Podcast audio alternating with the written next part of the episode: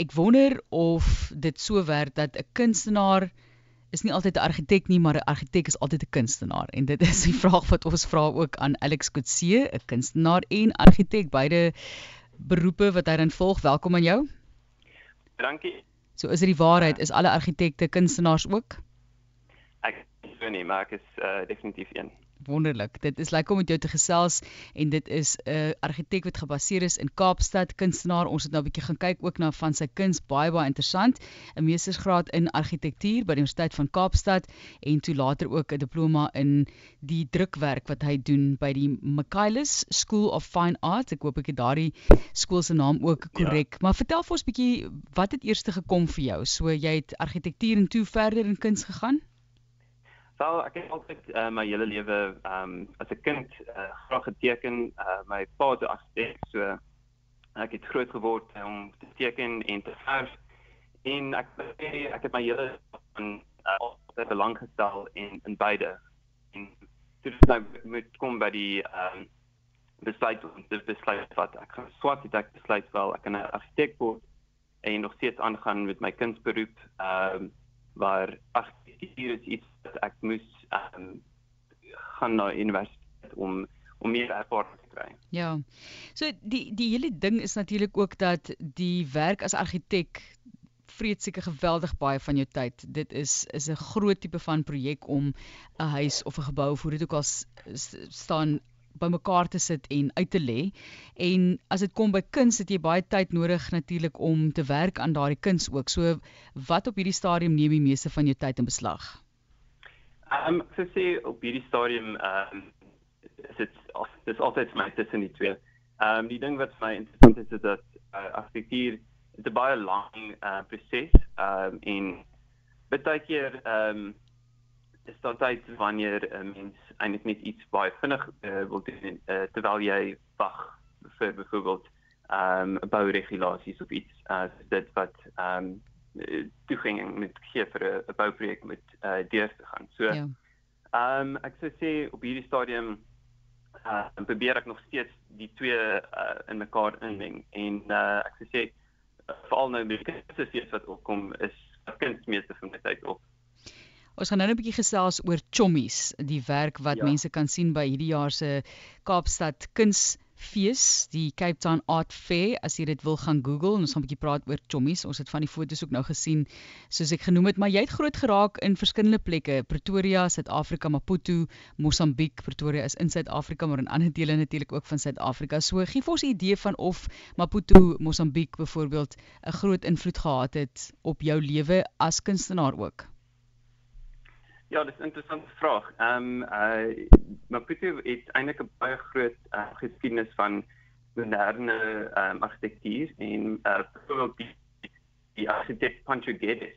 Ehm um, is 'n groot invloed op my en uh later in die lewe het my werk ontdek maar as 'n kind kan ek onthou die tipe moderne argitektuur wat in die stad is en ek sou sê daai werk het definitief my beeldbewerk ehm um, beïnvloed.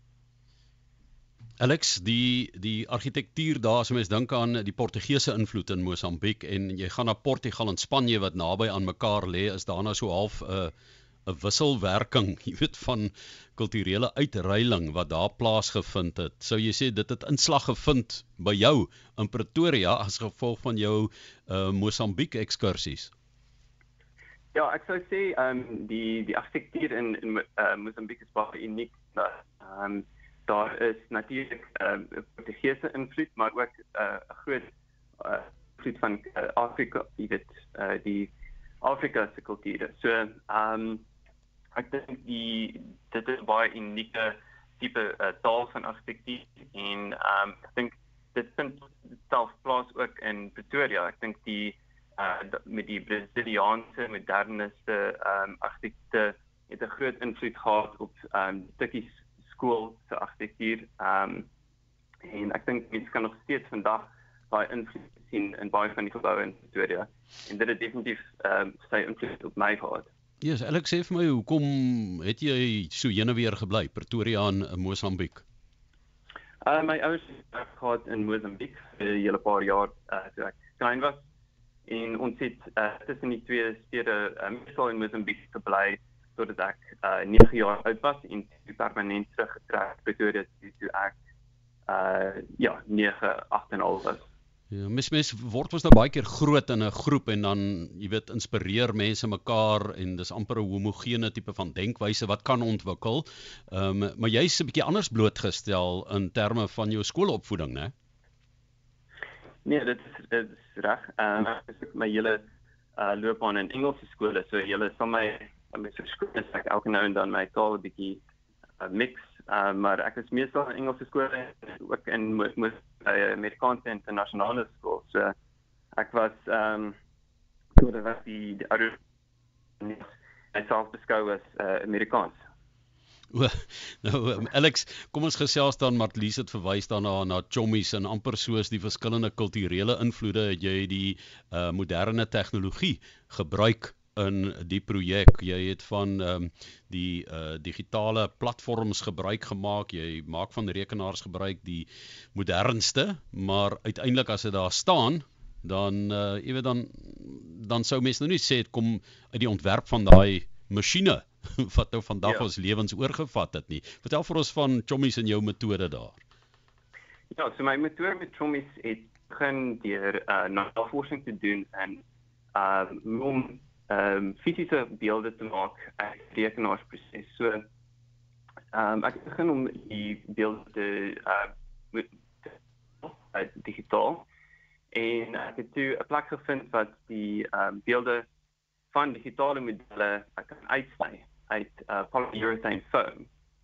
En dit het vir my 'n baie uh, interessante werksmetode geword. Ek kan begin deur 'n digitale proses en opeindig met 'n fisiese uh, resultaat en dan ehm um, wat ek die doen uh werk was om hierdie digitale en fisiese komponente ehm um, in een uh reeks saam te bring en dat die digitale komponent die fisiese ehm um, werk aan die lewe kan bring.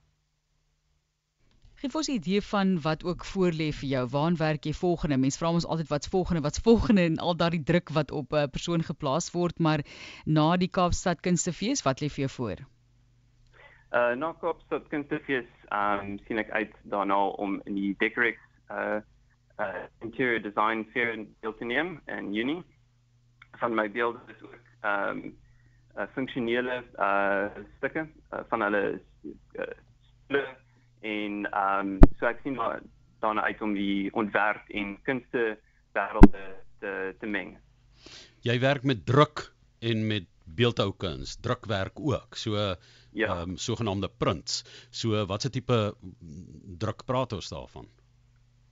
Uh, ek het ehm um, in 2017 by die ekstrekker werk gedoen waar ek my ehm um, fisiese onder uh, interaksie met die wêreld en uh tekeninge verander het deur my uh, GPS uh watch om um, te gebruik om my beweging deur die fisiese ruimte in tekeninge te verander.